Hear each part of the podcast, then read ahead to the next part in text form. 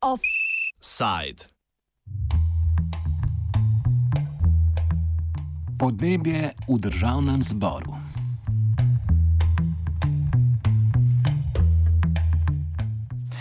V državnem zboru je danes potekal posvet o tem, kako naj Slovenija naslovi problematiko podnebnih sprememb. Predsednik državnega zbora Dejan Židan pa je ob tem vlado pozval k razglasitvi podnebne krize.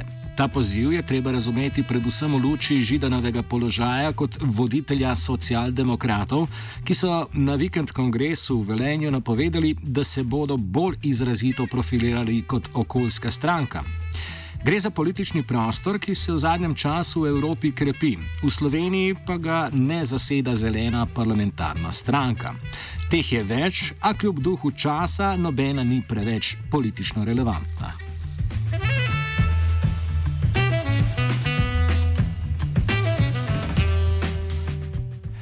Eden od udeležencev je bil tudi Dušan Plut, upokojeni profesor na Ljubljanski filozofski fakulteti, ki je pred 30 leti vodil stranko Zelenih Slovenije in se z njo vključil tudi v Demosovo vlado. Plut o ciljih, ki jih mora okoljska politika doseči v naslednjih desetletjih. Temeljni izziv je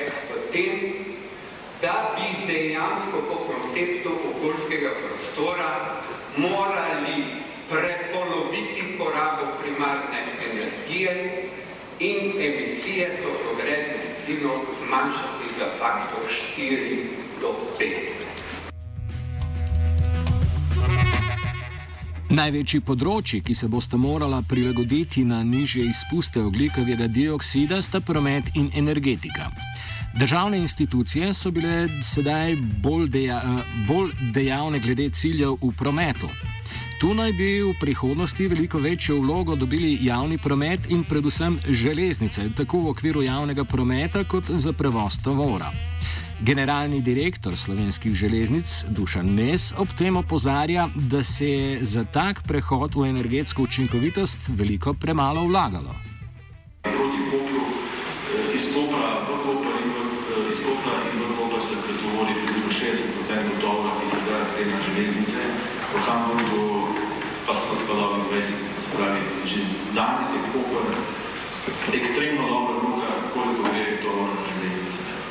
Tako da uh, problem ni ta, niti ni interni to, ampak je to, ki prihaja iz vzhodne Evrope, večina politika. Slovenske železnice so na ključnih koridorjih proti Kopru in proti Avstriji že polno obremenjene. Rezerv za preusmeritev prometu iz avtocest na železniške tere tu ni.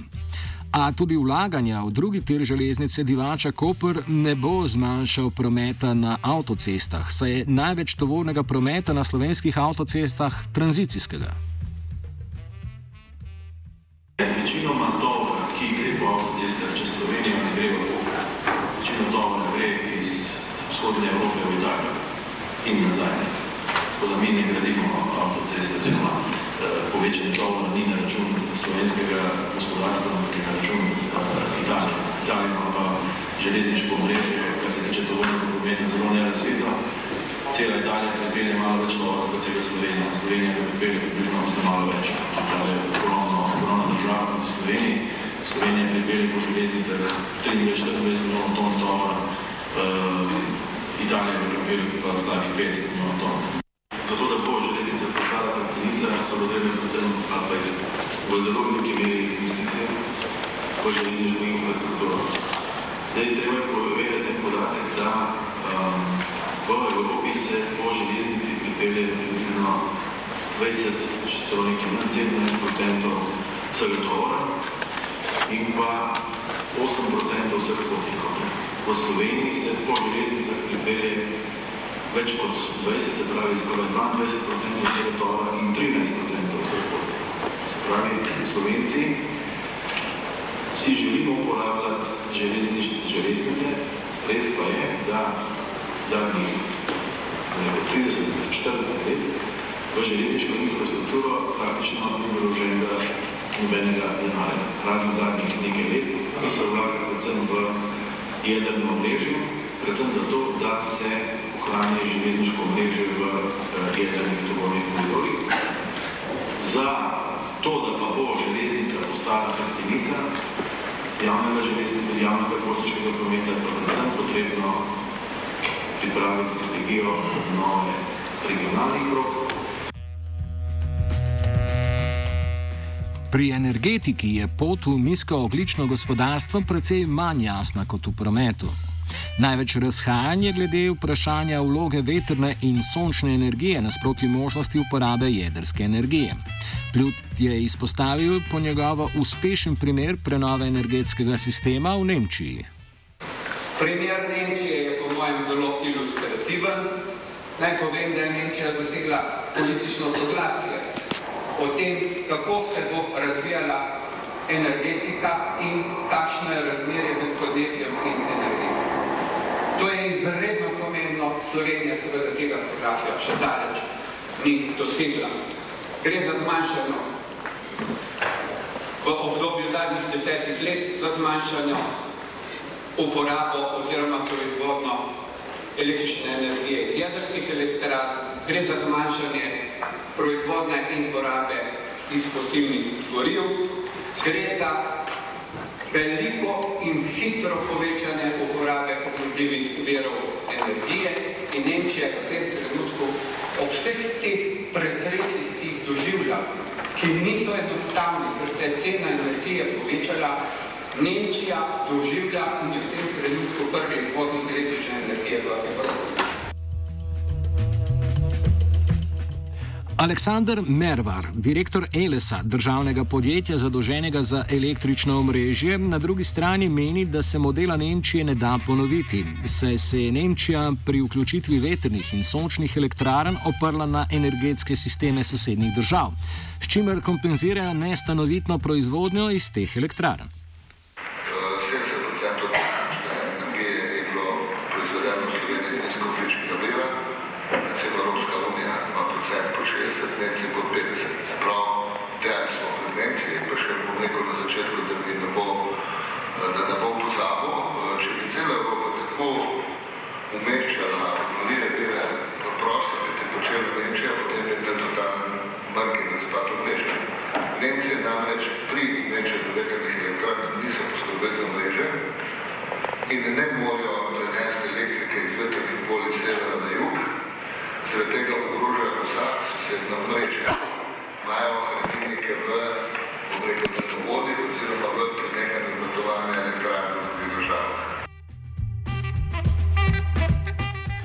Ker ni potencijala za veterne elektrarne in so viri za hidroelektrarne v veliki meri porabljeni, bi morala največji delež obnovljivih verov energije povzeti sončna energija, ki pa po mnenju Mervarja ne more biti primarni vir energije v Sloveniji.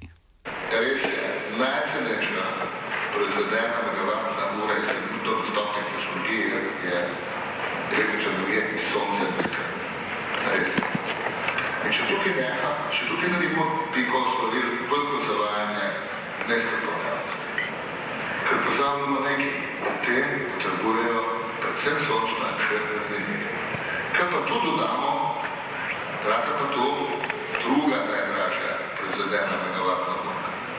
Gledajte, Eve se je kupil v okviru projekta Synchrogrid, je kupil baterije, baterijski sistem, 10 MW moči, 50 MW kapacitet, In ker sem jaz za nek svoj študij uh, preračunaval urne podatke za pet let, da sem ugotovil pri 50 faktorjih na urnem nivoju za slovensko, ker je čaka Slovenije primerjati Dubaj, pa ne vem, Slovenije je 12-13% je letni 50 faktor in faktor sočasnosti 75, se pravi inštalirana zač. To so podatki. In pravilno so bile programe tako lokacije v časih projekiranja se ne zanima. Če v prihodnje to pogledamo in se hočemo na urnem nivoju izgledati in, in da na urnem nivoju ne smo neuvozno odvisni in niti, bom rekel, ne zvažamo in si pomagamo v Sloveniji, se vrača baterije. In če se uporabimo te cene, po katerih je LS kupil dobita izjemno ugodno ceno, bi lahko v Sloveniji, bi mogli v Sloveniji v obdobju od 15. novembra do 15. marca, takrat je najmanjši, eh, takrat je najmanjša proizvodna in veliki manjka sončne energije, in poletje imamo pa največje presežke med 5000 MW moč in Sloveniji stala, po še enkrat podarjam, zelo nizki cene, samo 400 milijard evrov.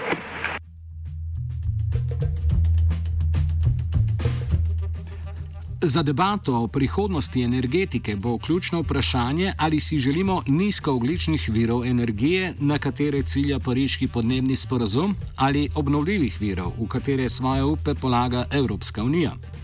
Tudi tu se definicija oži. Eurostat je iz te izključil hidroelektrarne, ki Sloveniji zagotavljajo levji delež obnovljivih virov energije. Če k nizkoogličnim virom prištejemo še jedrsko energijo, Slovenija že sedaj precej presega Nemčijo in tudi proizvodnja elektrike ima, ima manjši oglični odtis. Debata torej ne bo potekala zgolj glede tehničnih vprašanj, ampak tudi o tem, kdo je zelen in kdo ne.